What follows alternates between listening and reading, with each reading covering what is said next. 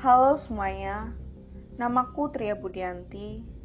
Aku akan menceritakan hikayat Kerajaan Majapahit. Asal mula Kerajaan Majapahit diceritakan bahwa sesudah Singosari mengusir Sriwijaya dari Jawa secara keseluruhan pada tahun 1290. Singosari menjadi kerajaan paling kuat di wilayah tersebut. Hal ini menjadi perhatian Kubilai Khan, seorang penguasa dinasti Yuan di Tiongkok.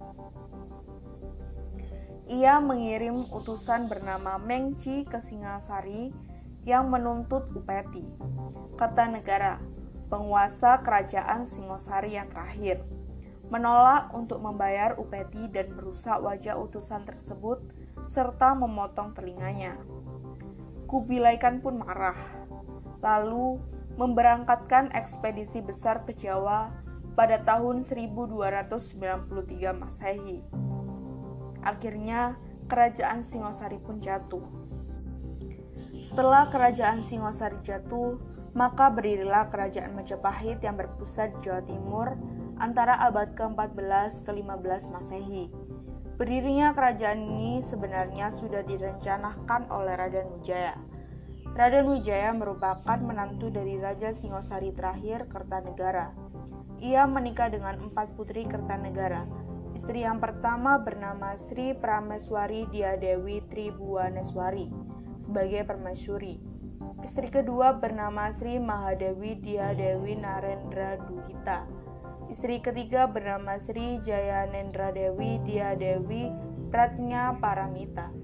Istri keempat bernama Sri Jayanendra Dewi Diadewi Gayatri atau Raja Patni atau Ratu Biksuni.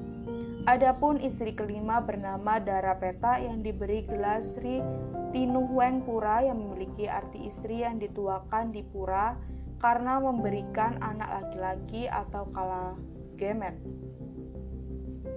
Raden Wijaya berhasil menuntut balas kematian mertuanya oleh Jaya Katwang dengan memperalat pasukan Mongol atau Kubilai Khan yang sebenarnya hendak menyerang mertuanya.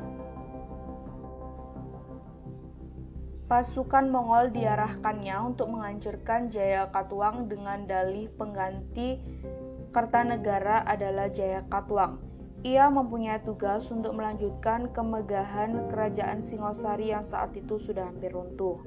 Saat itu dengan dibantu oleh Arya Wiraraja, seorang penguasa Madura, Raden Wijaya membuka hutan di wilayah yang disebut dalam Kit Pararaton sebagai hutannya orang Trik.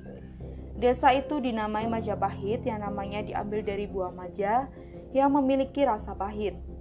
Ketika pasukan Mongol tiba, Raden Wijaya bersekutu dengan pasukan Mongol untuk bertempur melawan Jaya Katwang. Setelah berhasil menjatuhkan Jaya Katwang, Raden Wijaya berbalik menyerang pasukan Mongol sehingga memaksa mereka menarik pulang kembali pasukannya. Sekian dariku, semoga kalian semua menikmati ceritanya.